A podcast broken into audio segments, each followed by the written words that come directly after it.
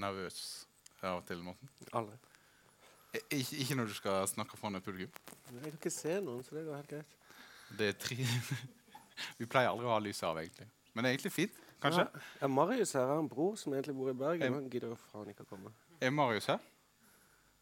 Nei, typisk. Han er ikke det.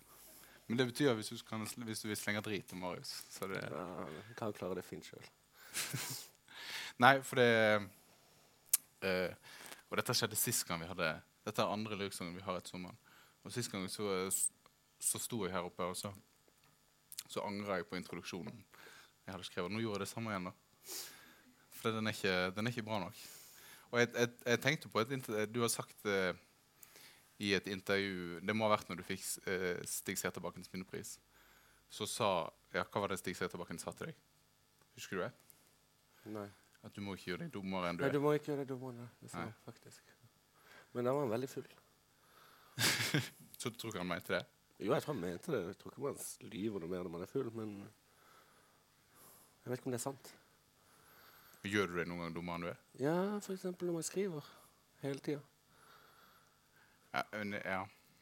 Jeg, du, jeg tenker, alltid tenkt at du er en ganske smart poet. Takk.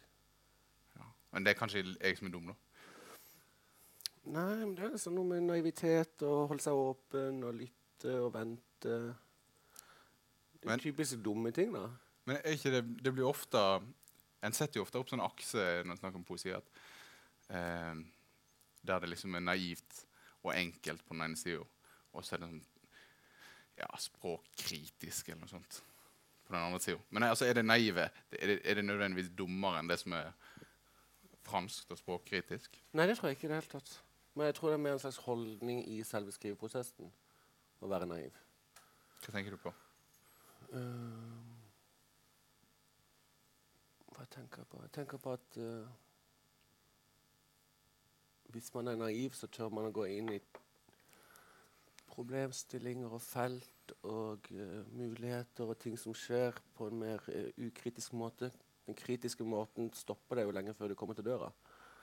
Hvis du er naiv, så kan du begynne å tulle med la oss si, lydene og kanskje vende på noen etablerte sannheter osv.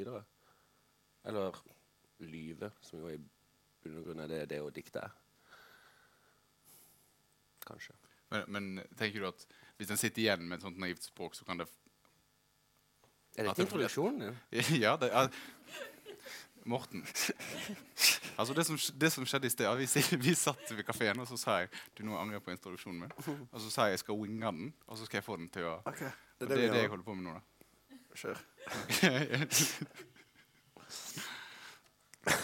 skal, jeg, skal jeg lese nå? Nå vil jeg gjerne Nei, altså, for det, for det, jeg, har gjort det, jeg tror jeg har gjort det motsatte da, av å gjøre meg dum. Jeg har prøvd å, jeg har prøvd å gjøre meg smart, og det syns jeg nå er, er kanskje mye et mye større feilgrep når en skriver og prøver å gjøre seg smartere enn en er, enn å gjøre seg dummere enn en er. Mhm. Eller eh, hvis en blir avslørt for å være klokere enn en har s- en, eh, altså, Hvis en blir avslørt og en er klokere enn en folk har trodd, så er ikke det det verste. Men hvis en blir avslørt så er en dummere enn det som en har trodd om seg sjøl, så er det verre. Det blir vel fort litt forsert hvis man later som. Ja.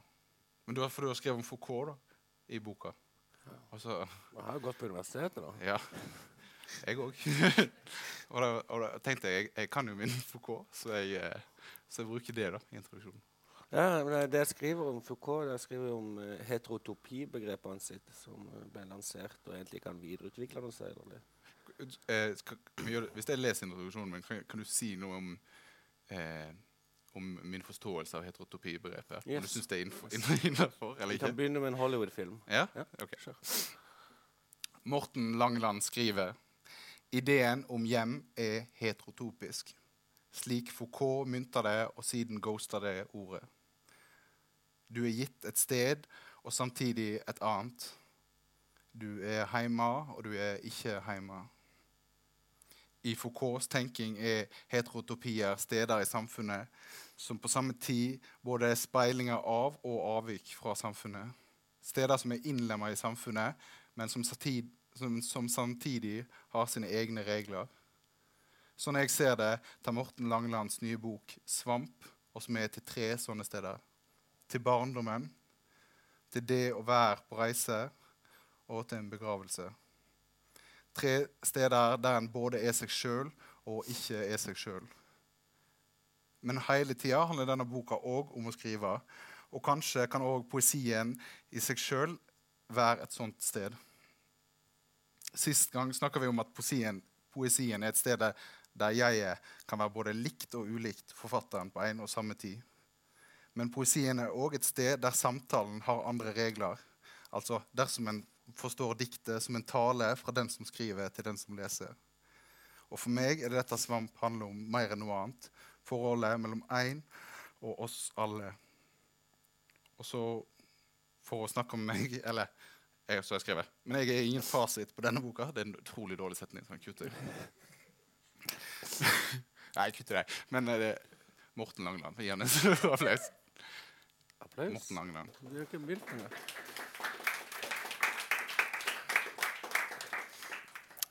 Ja, men du skal ha applaus. Ja, ok, men. Tusen takk. Det var en fin introduksjon. det. Hvis du snakker om heterotopibegrepet Ja. Det er jo en fly på forsida her. Jeg syns det er enklest å tenke på den der filmen med Forrest Gump. eh, hva heter han? The Terminal. Når han er på den flyplassen. Husker du den? En mann som er låst inne på en flyplass. Med, For med Forrest Gump. Nei, Tom Hanks. Tom Hanks ja. Um, og du sier det siste diktet i denne boka. Det er tre dikt i denne boka. Det siste handler om en begravelse, sier du. Ja, det er til en viss grad uh, sant, men det handler også om en reise til en begravelse på en flyplass. Og vi er på flyplasser flere steder. Og det er noe med flyplassen hvor du er totalt utlevert. Og det er helt andre regler som gjelder. Det er heterotopisk, og det er også et av Foucaults uh, eksempler. I, I likhet med et museum, en uh, interneringsleir, et asylmottak, et fengsel osv. Klassiske Men du, men du skriver at uh, flyplassen ikke er heterotopisk. Nei, for det, flyplassen er overalt i vår tid. Det er tanken. Ja, det må du, det må du utdype. Så nå, jeg kom hit i dag for en time siden. Hvor jeg har vært. Jeg har vært på tog, helt utlevert til konduktøren og amerikanske turister. Så går jeg bort på hotellet her, helt utlevert til bookinga og pikkoloen og så videre. Og i morgen skal jeg ta toget tilbake igjen. Og så skal jeg bo på sofaen hos søstera mi. Altså, det er ikke noe hjem her. Det er bare steder man reiser mellom hele tida. Jeg har fått jobb her på Skrivekunstakademiet. Har ikke noe sted å bo her. Hvor skal jeg må bo hos Airbnb oppe i Breistølen her hos uh, et polsk ektepar. Hjemme hos dem. Det føles på en måte som man hele tida ja, Hjemme og borte samtidig. Det er mitt liv. Det, ja, det, det er jo nettopp noe du har valgt. Eller Valgt og valgt, det vet jeg ikke. Men uh, flyplasslivet Bare tenk hvor mye verre det har blitt å liksom gå inn på en festival eller en fotballkamp eller en flyplass de siste 15 årene. I dag er det jo 18-årsdagen til 11. september, Ja. leste jeg i avisa. Og det har nok noe med det å gjøre. Men det gjør også noe med oss mennesker, hvordan vi ser på hverandre, hvordan vi møter hverandre, hvordan vi sosialiserer. Og dette er jo det makedonske flagget. Og Størstedelen av den boka foregår på en poesifestival i Makedonia, hvor jeg var i fjor sommer. Og der har du det merkelig med at du møter poeter, ja, fra hele verden. Men du forstår bare hvor avsindig forskjellige livssituasjoner alle har. Jeg tror jeg skriver et sted Barregninga mi er på 42 euro. Og den samme kvelden så drar vi en middag, og snakker jeg med ei som er leder på direktør på kultursenteret i Bitola, som er den nest største byen i Makedonia. Og så sier hun hva hun tjener. Hun tjente 4200 euro i måneden. Altså ti ganger mer enn barregninga mi. Det er liksom lønnen til en som har en sånn høyt anselig Mm. stilling i Makedonia. Da skjønner man litt hvor korrupt dette er. Man skjønner litt hva slags type kriminalitet som ligger under overflaten her. Samtidig så er man bare en lallende poet som ikke forstår noen ting. Det var spesielt. Få noen erfaringer der ute som på en måte er helt skjerma fra Det er ikke en backpacker-erfaring, det er bare en erfaring av hvordan Europa fungerer. Og dette er liksom kulturutbytte. Liksom Norla betaler penger for at jeg skal fly ned der og være der. På Alexander den store Great Airport. Jeg vet ikke. Det føles uh, som det heterotopiske. Dette som er og ikke er samtidig, tar over mer og mer av livet. Jeg skal prøve å komme på noen flere eksempler. Men, men kanskje mens du kommer på eksempler, kanskje du kan lese litt Å ja, det for oss? Ja. Jeg skal lese jeg tenkte, begynnelsen av boka. Den heter 'Baneheia'. Jeg kommer fra Kristiansand. I Baneheia så var det to jenter som ble drept for en 20 år siden. De bodde 50 meter fra meg. Og han som drepte de visste også hvem han var. Mest sannsynlig. De er dømt. Og jeg husker, jeg kan snakke om det etterpå, hvorfor jeg skrev det på den måten. Men jeg tror faktisk jeg skal prøve å lese på akkurat denne måten. For det handler okay. også om film. Det er, mitt, det er mitt neste spørsmål. Ok, bra. Noter det. Ja, jeg, jeg, jeg, har spurt etter pen. Jeg, jeg har spurt, uh, fordi at hvis du vil Ok, så jeg kan var- sitte? Vi, vi sa vi skulle ha en løs, ledig tone, men, Ja. men dette var litt voldsomt. Ja, men jeg synes det er litt sånn Vil du sitte? Ja, det er sånn, litt sånn jazz. Det er litt jazz. Ok. Takk skal du ha. Baneheia. Porer siver gjennom porer. Den varmeste sommeren i manns minne. Les fort, les høyt. Jeg vil snakke om det viktigste, oppmerksomhetsjojoen. Utspringet av innlemmelse. Turen med hunden rundt jorda. Laika. Vil ikke la dette bli kjedelig. Jeg skal ikke lage mer kjedelig kunst. Kaffegruten i blomsterbedet, sjokoladen bak småtingkurven. Markere flittig på kalenderen. De to første månedene, den gule hetten i hyssing uten markeringstusj. Nærmere oppmerksomheten et nyskodd barn mot første skoledag. Sommerboende sandkorn i skoen. Hender slipper borte ved porten. Noen sier 'Morten' for første gang i et klasserom. Sier det slik, med O. Anelsesløs base i lydfonder av mening. Kjapt forlates som dyreøyne i veiskulderen. Late ettermiddag, ettermiddager i blodsukkerdalen. Ligge tankestrek i sofaen. Gjennom evighetens middagshvil bryter isbillbjeller. Bryter solas skur etter skyers gang. Varmer mellom maskene i ansiktsgarnet. Se døde hudceller i lyskjelen. I det minste øyet ser, støvet virvler omkring 67 ulike organiske materialer i evolusjonens omskoleringskarusell. Bebo huset på et kamera obscura mens mamma steiker pannekaker slumre.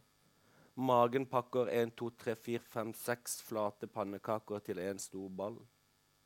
Etterpå trille som pannekake nedover asfalten. Rulle forbi forlatte sandslott, jungelen, hvit stakitt, oppkjørsler med ny singel. Vannspredere dirker fram gressets grønne. Stoppe, tygge, svelge den nyklipte hekkens syreblader. Inn i torneriket smetter småfugl ut øyekanten, og museklør og pinnsvin krafser, nafser i den tørre jorda. Beitemark. Meitemark. Om kveldinga på fotballbanen står Valdo og gjør, og ungene hysjer på tur. Mellom drikkepauser ved nærmeste vannkran. Bak buskaset tenner Teresa telys i skumringen for halvguder, lodne månetunger, Cartoon Network-ideer.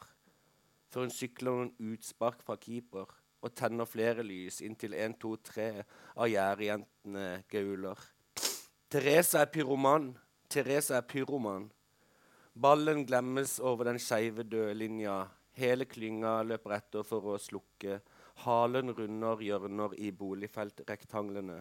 Sålene sneier bilvaskboblene mot sluket. Ser henne kaste sykkelen og beinet opp skogstien. Der skråningen begynner, strekker feltet seg. Én etter én faller fra når det mørkner, korter halen til en stump, subbende tilbake. Kjører en pinne bortover jernnettingen. Før også Teresa ropes hjem. Legge seg svett i en seng i tiden, når mørket gror, syriner, lukter gjennom nattblafrende gardiner, til lyden av bladverkets dingling, de voksnes sang spirer rykkvis fra en grillfest noen hager bortenfor. Måne og lyktestolper og gardiner dekker skygger utover leksepulten over en gulig, tørr, porete svamp høstet opp fra Middelhavet på størrelse med et kranium, på størrelse med en hjerne, i neven snart en sil. Mye kan man si uten å bli rein, uten å være skitten. Å kaste inn håndkleet kommer av å kaste svampen. Å gi opp, bli gitt opp.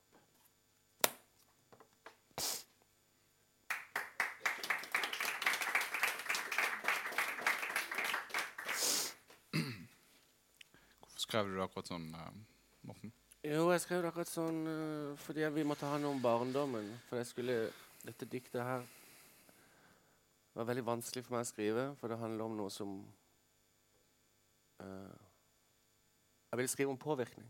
Jeg vil skrive om hvordan man blir påvirka av ting man ser. Fra pornografi til vold. Ting man hører i samtaler, ting man leser. Jeg ville prøve å forstå det, for, og det er jo også der svamptittelen på en måte kommer inn i enkleste forstand iallfall. Og da tenkte jeg på Baneheia. Da tenkte jeg på disse menneskene, de to unge jentene som ble drept, og han jeg visste hvem var, som mest sannsynlig drepte de. Og jeg husker dette godt. Det var en stor ting. Jeg var tolv år, kanskje. Men du, du var på alder med de Nei, de var, de var, de, jeg var kanskje 14, forresten. De må ha vært tre-fire år yngre enn meg. Ok. Og så kom jeg på mens jeg satt og tenkte på dette og ville skrive om dette, at jøss, hun jenta som bor rett der, hun var på Utøya. Og så tenkte jeg på andre ting. Så tenkte jeg på all volden som fins under dette ganske fine middelklasseområdet hvor jeg vokste opp i Kristiansand. Og så balla det på seg med liksom vold. Og så plutselig hadde jeg en del eksempler, og så kom jeg på at pappaen til hun som var på Utøya, som var en av de første som ikke ble skutt. Hun sto rett og slett på ferjekanten, og Anders Behring Breivik sa i rettssalen Hun sparte vi for Hun sparte han fordi han tenkte at hun var Han visste ikke om hun var AUF eller sivil, han, tror jeg. Um, men faren hos sin dro land og strand rundt eh, på 90-tallet, og han ble kalt Video-Olsen fordi han ville ha høyere aldersgrenser på spillefilm. Videokassetter, VHS. Man ville ha mye sterkere sensur. Og etter at hun ble spart eh, av Eller ikke skutt av eh, Anders Behring Breivik, så gikk han ut i media igjen. Og da vil han forby Call of Duty 2, tror jeg. Så da blir han på en måte Gaming-Olsen også, da. Men uh, alt dette alle disse kontaktene her er 100 meter fra mitt hus. Han mannen som anmeldte Viggo Kristiansen, drapsmannen uh, Ja, mest sannsynlig. Han er jo dømt. Ja, ja, jo, Ja, absolutt. ja. Jeg, vil bare, det, det den problematikken er ikke Neida, neida. nei da. men, øh, han første som øh, anmeldte Viggo Kristiansen til politiet, var min uh, store søster sin kjæreste. Det var fordi uh, Viggo Kristiansen sto i hagen og så på når mammaen hans kledde av seg for kvelden. Og det var noen sånne ting som bare Faen, dette var mye greier, liksom, tenkte jeg. over. jeg vil skrive om dette med vold og påvirkning. Og jeg vet ikke åssen det er med det jo ekstreme nettbruken for å si sånn, de siste 15 årene. Hva gjør den med oss? Og da tenkte jeg at jeg måtte tilbake til barndommen. Og da skrev jeg de tre sidene jeg leste her nå. Og de baserte jeg mest på åpninga av Blue Velvet. For jeg husker så dårlig. Jeg husker hvordan det var å vokse opp. Jeg husker liksom steder og så videre, for jeg kan nevne noen navn og liksom fotballdrit og en hund og sånn her. Men åssen er det egentlig å være barn? Hvordan er det å løpe rundt sånn? Jeg klarte ikke Og det er ikke så mange barn i Blue Velvet, men det er akkurat den der eh, idylliske åpninga hvor han filmer over liksom velstandssuburbia i Amerika. Og så brått så er det en fyr som mister vannslangen, tror jeg. Og så føler, går kameraet bare ned i jorda, hvor du bare ser liksom meitemarker og insekter og kryp og en slags type forråtnelse under jorda. Det går på to minutter. Det er veldig flott anslag. Og jeg husker det, så bare så jeg den, og så skrev jeg de tre sidene. Og det var for å kunne ha en slags barnlig, naiv inngang til det som er en vanskeligere problematikk utover i diktet. Men, følte du at det, disse 100 meterne Var det spesielle 100 meter, eller var det allmenne 100 meter? Når du gikk inn i Ja, altså, det, det, det jeg er jo ikke interessert i altså, Jeg er ikke interessert i å fortelle folk at jeg er vokst opp der. Det er ikke det som er Nei. poenget. Det er bare noe jeg tror liksom, Hvis du ser nøye så tror jeg du kan se det overalt. da. Overgrep, vold osv. Jeg tror ikke Kristiansand er noe verre enn eh, Ytre Arne, for den saks skyld. Men det, Eh, det var bare liksom at jeg kunne ta dette stoffet og peke på ting. Og når jeg satt og tenkte meg om, så Jøss, faen, hva skjedde med han kiden? Jo, han hang seg, liksom. Hva skjedde med hun? Ja, hun ble overkjørt, eller whatever. Ikke sant? Denne Den allestedsnærværende volden i idylliske middelklasse-Norge interesserte meg der, da.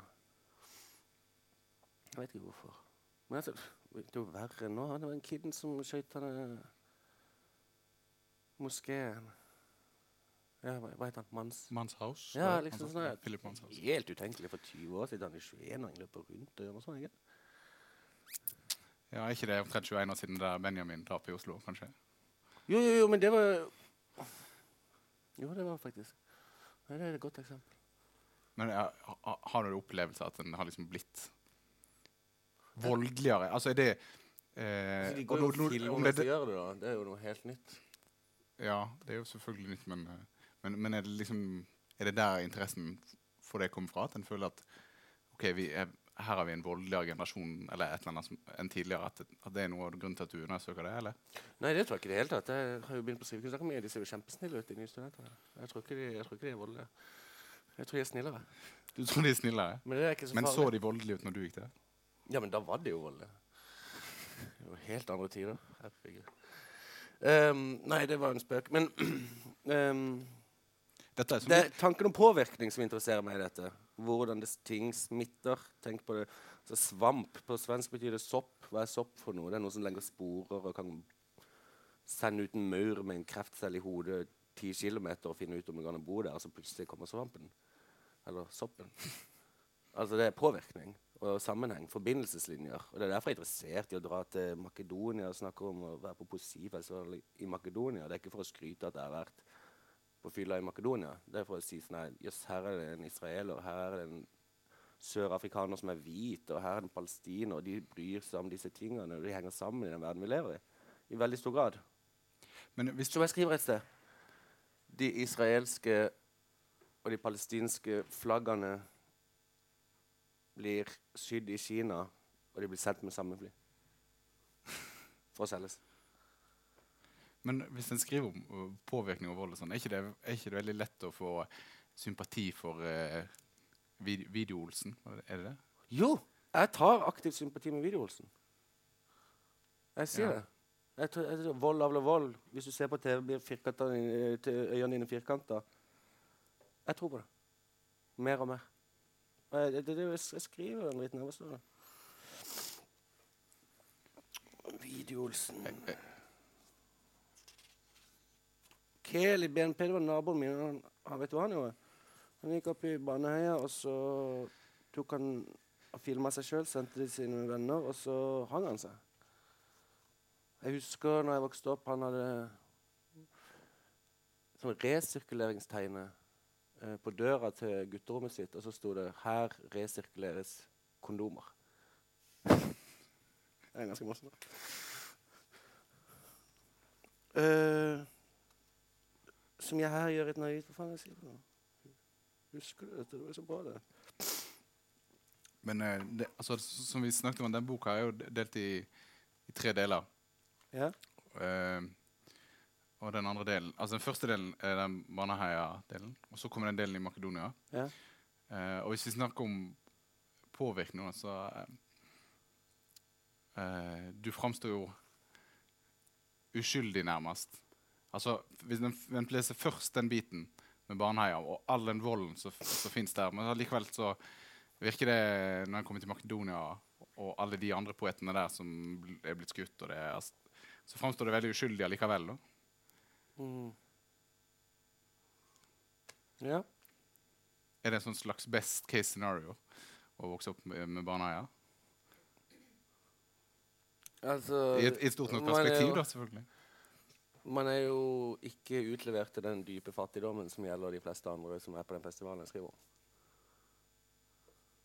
Og det er jo helt uh, Nå skal ikke jeg sitte her og preache om noe, men det er jo helt utenkelig for oss nordmenn å forstå hvordan det er å leve andre steder.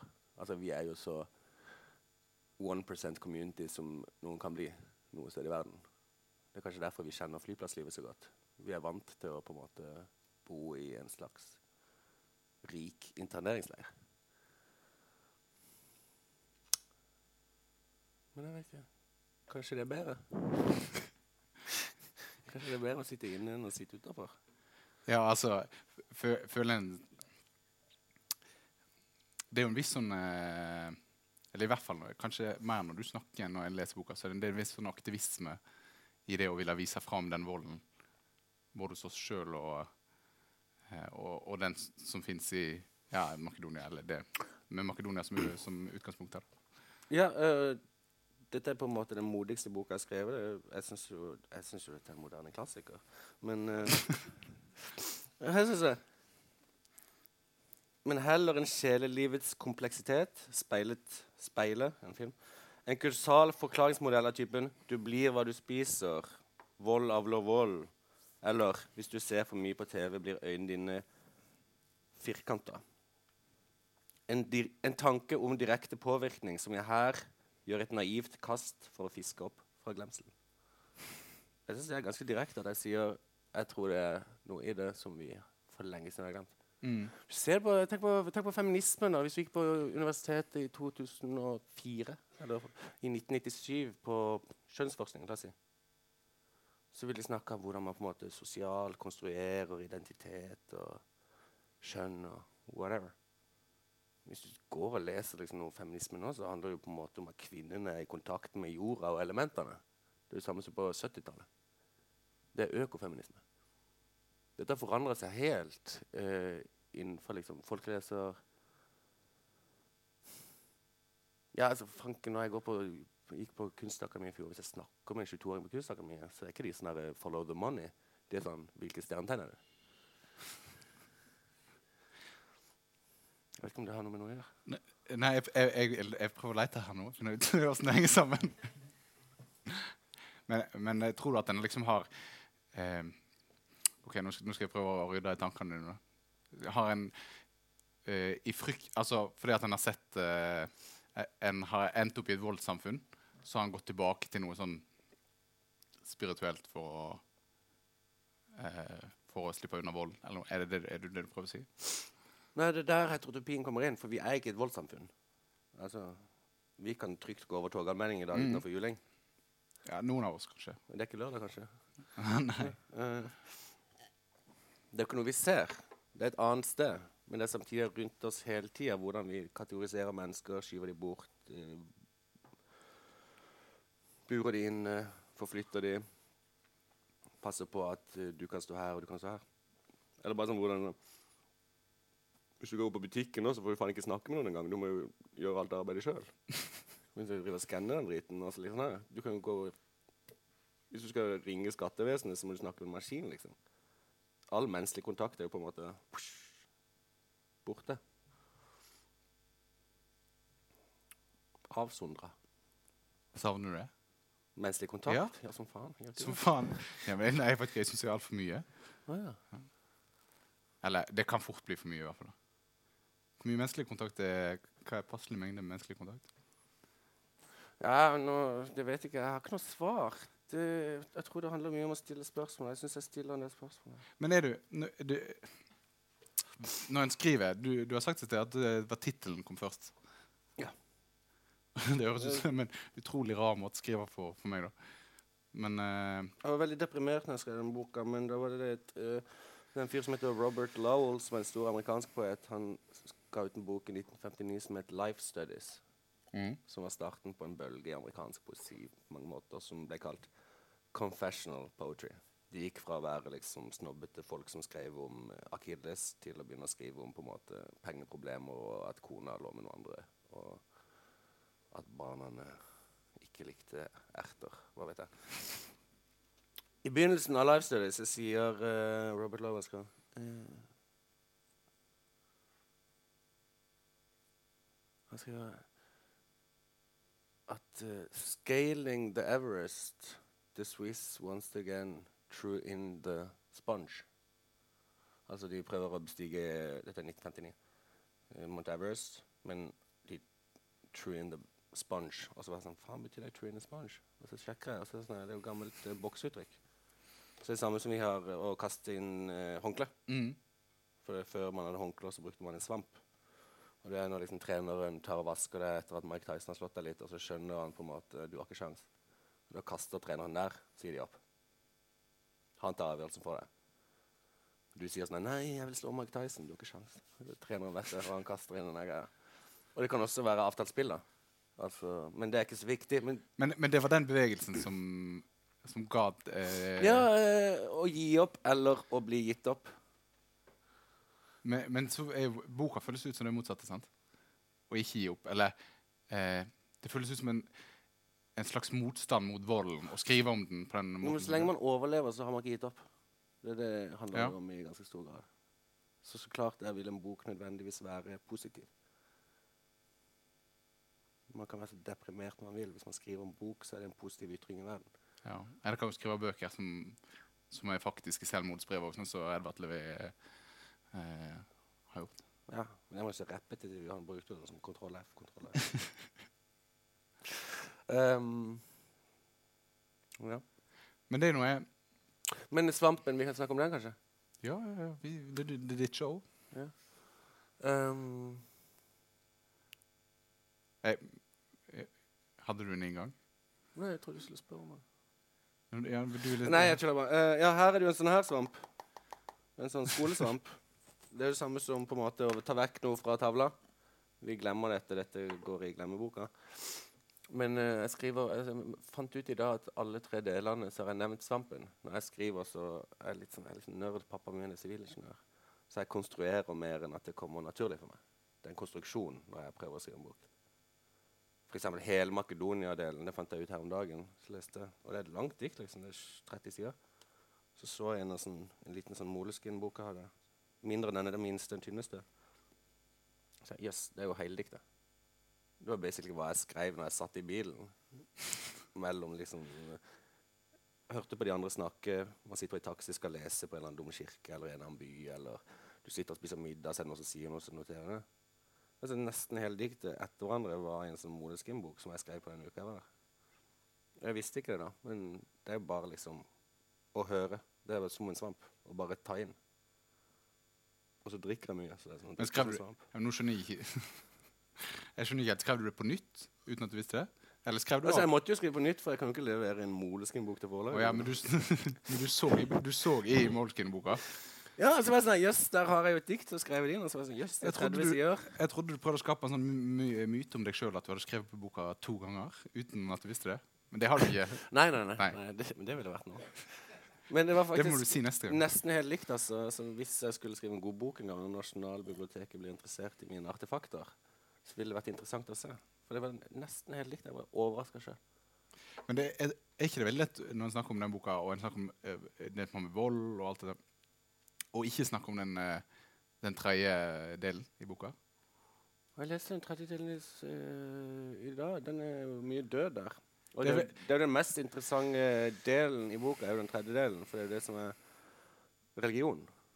Det er jo der det ordentlige håpet ligger. Jeg, jeg synes det, det, som, det som virkelig gjør den interessant, er eh, den, den bryter liksom opp eh, med de andre Eller den Jeg syns det er veldig lett å lese de to andre første delene opp mot hverandre. Men den tredje delen Og den, jeg syns den er full i, full i avstand på et eller annet vis. da. Den er, den er for selv om ja, Du sier at den handler om flyplass, men jeg sier at den handler om begravelse. Det er jo en hel side som er bare kister som er tegna. Uh, Skal jeg fortelle en morsom historie? Skissa? ja, please. På Flammen forlag er det Aslak Rønsen som designer. Og hvis man gjør litt annerledes ting, sånn som forrige boka mi sånn her, som gjør merkelig, så liksom blir han gira, for han er sånn designere. De er sånn nerder, da. Som liker å gjøre andre ting.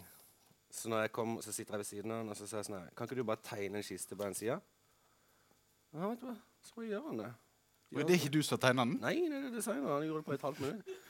Bare smakker vi opp en kiste bare for å få liksom et slags visuelt element inn der. Og det, redaktøren merker jo ikke det. De gidder jo ikke lese boka. Så det var jo mellom meg og designerne. da. Men den er jeg veldig glad for. For det er en sånn brettekiste. Det er en slags greie som en brettøvelse. En slags uh, morbid origami. Morbigodamoi. ja, det var, det var ikke så morsomt. Det, er, det, vits, vi hørte at vitsen var spontan.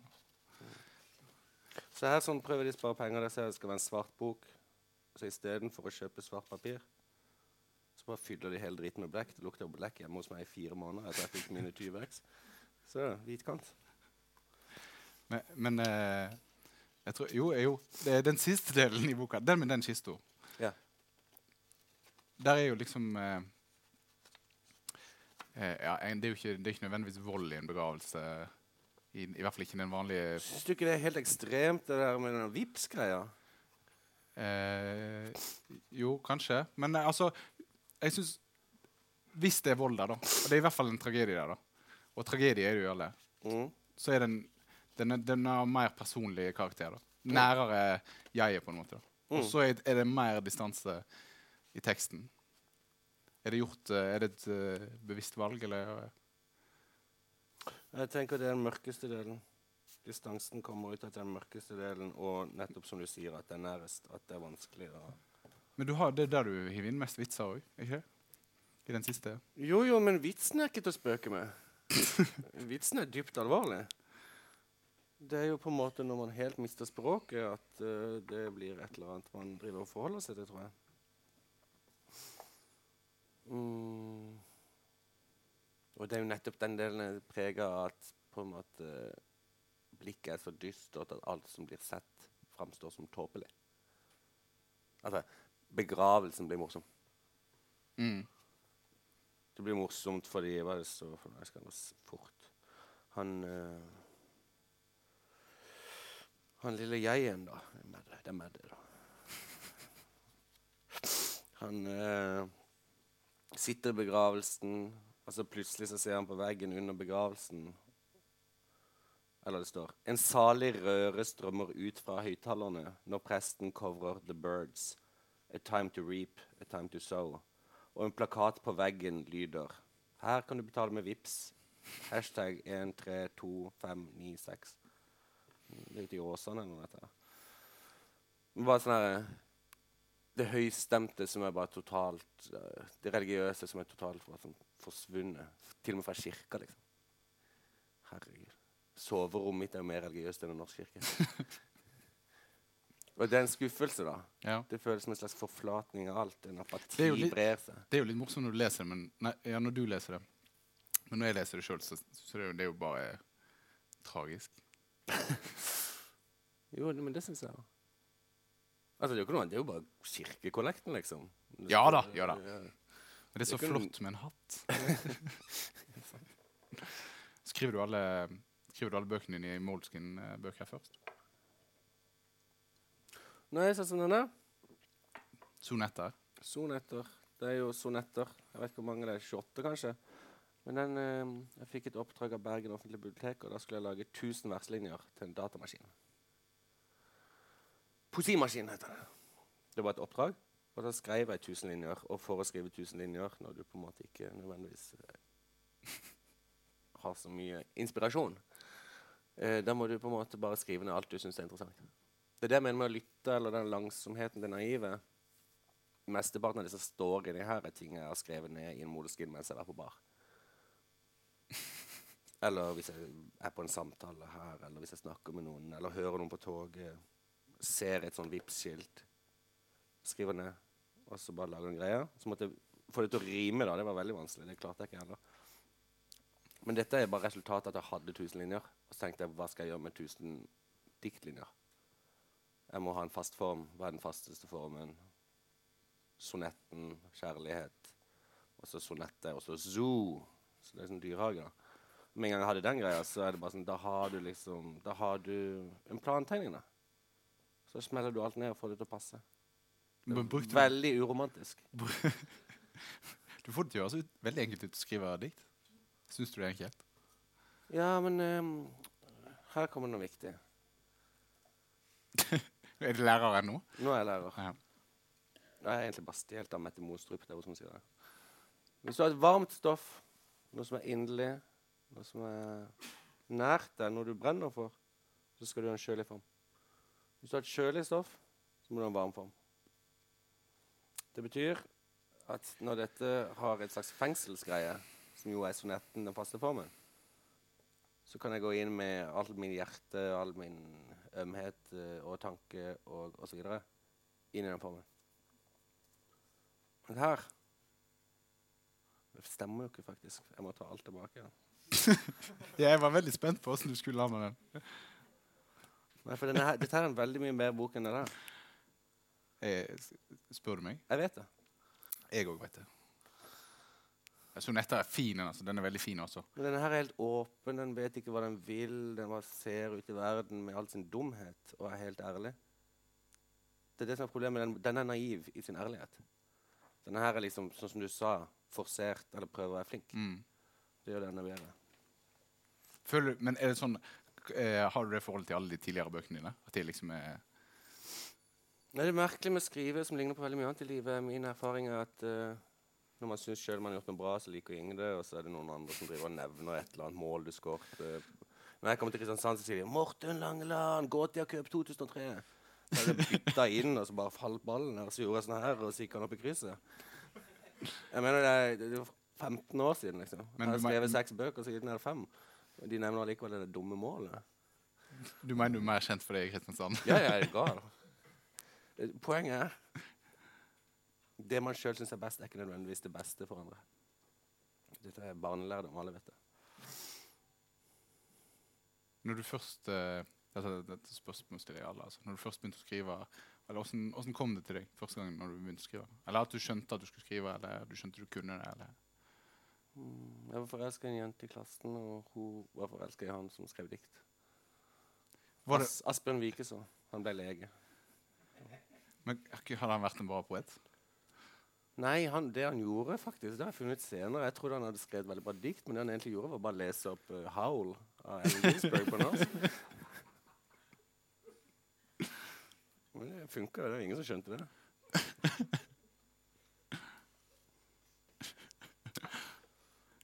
Vi, skal ikke slutte med at du skal lese Howl til oss. Eh, Jeg kan det utenat. Vi, skal, skal jo ikke gi oss etter. Jeg bare lurer litt på når jeg, eh, Du er jo ansatt på Skrivekunstakademiet som ny lærer nå. Ja, enn så lenge. En, du tror vel ikke du får sparken? Vi får se. Vi får se. Men du har gått der sjøl òg. Ja, Hva betydde det for deg? det betyr veldig mye.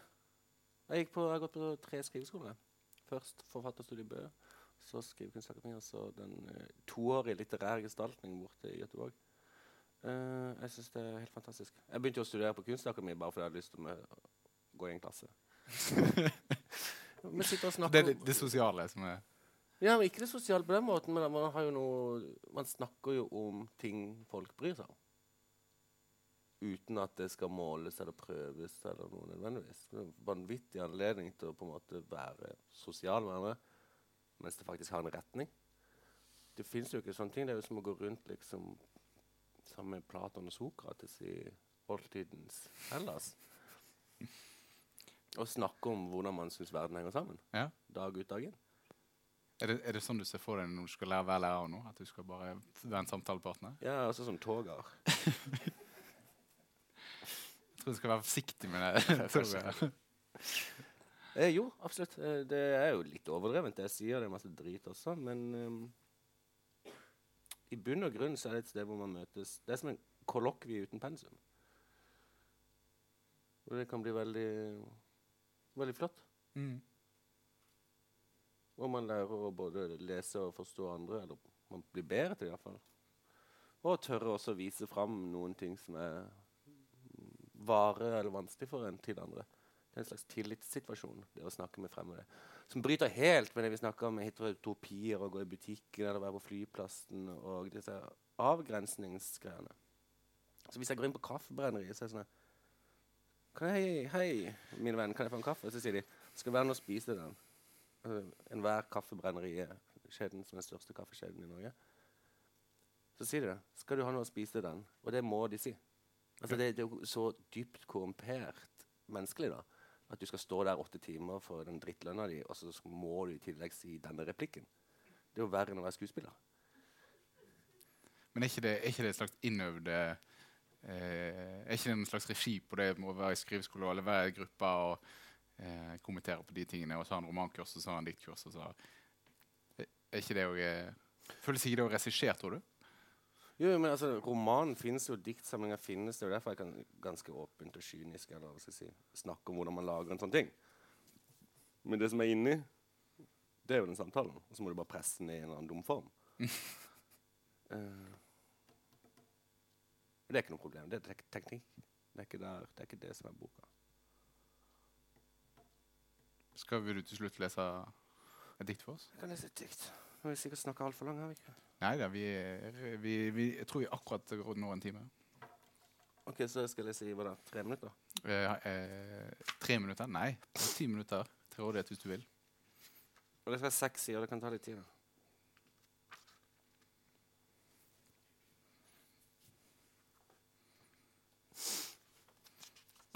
Kirkerom. Og til kirka vi går i morfar sin begravelse. I det gresk-ortodokse males Aristoteles, Platon og andre lokale størrelser i våpenrommet. Før inngangen til kirkerommet en teaser. Pur fristelse for de ennå ikke konverterte. Menneskenært før den fjernere altertavlen. En salig røre strømmer ut fra høyttalerne når presten covrer The Birds, A Time to Reap, A Time to Sow. Og en plakat på veggen lyder 'Her kan du betale med VIPS, hashtag 132596'. Samlet rundt en kiste kan man hikste og kjenne litt på det foldbare, vanlige liv. Lyset skin i mørket, skrev Johannes. Som Claes Olsson-lysene i julegatene og billyktene og mopedøynene dorger på riksveien.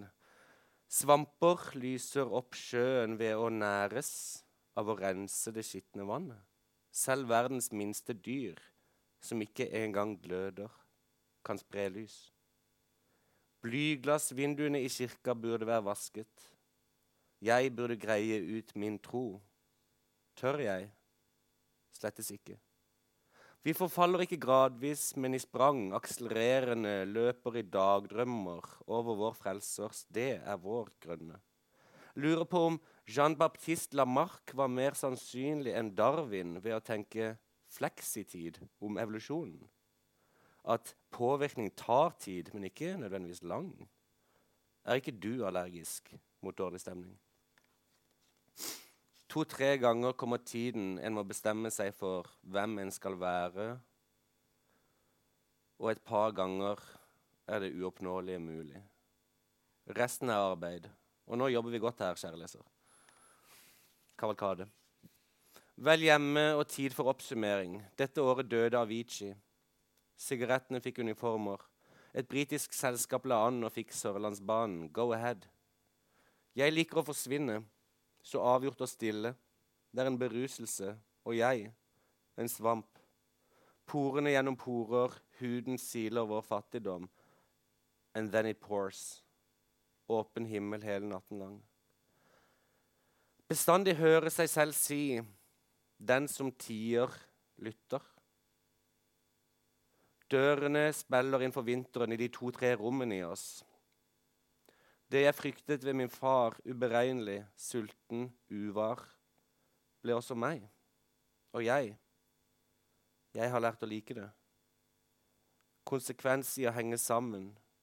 Ufriheten blir det ansvarsbringende. Å få slippe å ta del i noen universer der vi privilegerte forsvarer våre privilegier. En turist filmer en narkoman, bonden filmer ulven som skytes, og det mystiske livet legges opp i hverdagsgarnet. Foldes inn av språktråden og øyefangets innlemmelse av utfall. Apokalypsen har vært ytterst på tunga siden første verdenskrig. Det er derfor den er så slitt, sier Arve Kleiva. Selvfølgelig regner det om natten. Fra tid til annen gir jorda fra seg likene vi sådde og dyrket, mens vi satt og scrollet på andre. Hvorfor ikke? Jeg aner ikke hva du gjør. La stå. Synke, svelge, svelle, skvise, senke, spise, søle, smøre, smette, smigre, squashe, skrelle, sive, skrive, sone. Hit. Stappe. Stampe. Kilder. Her er den 2047. Det er den 22. desember 2018. 40 år etter Bernadette Mayers 'Midwinter Day' utspiller seg, et såkalt one day poem. The 22nd day of December, which, as I can now remember, I'll tell you all about if I can. Svamp satt lenge utenfor seg selv. Jeg begynte i en notatblokk, ordene 'Jeg vil snakke om det viktigste'. Det bortglemte er på frammarsj og manifesterer seg i en prosesjon. Kjemper om samme virkelighet som solbrillene ble kjøpt av, kjøpt mot. Den økonomiske omfordelingen stagnerte. Verden var atter styrt av oligarker. Kortsynethet brøt ned sivilisasjonen. Slik Pompeii ble bygget på lava, inneholdende tidligere Pompeii. Vi var mygg. Vi var rav og byggestein. Deltok i krigen mot endeligheter. Men lagene ble valgt hvert friminutt. Det var tid for opprop. En enkel engel dro ned ulermet og hvisket. Du må ikke gå for langt i tilkortkommenhet. Småbarn slikker på hele hånden når de skal bla videre. Voksne slutter å bla, holder tann for tunge i ro. De unge vil ha rett til å ikke føle ubehag, og de eldre tar etter med større bevegelser. Helt til den niende time. Min far, hvorfor har du forlatt meg? Noen av dem som sto der, hørte det og sa, han roper på Elia. Og en av dem løp straks fram, tok en svamp og fylte den med vineddik, satte den på en stang og ville gi ham drikke. Men de andre sa, vent, la oss se om Elia kommer for å redde ham. Takk.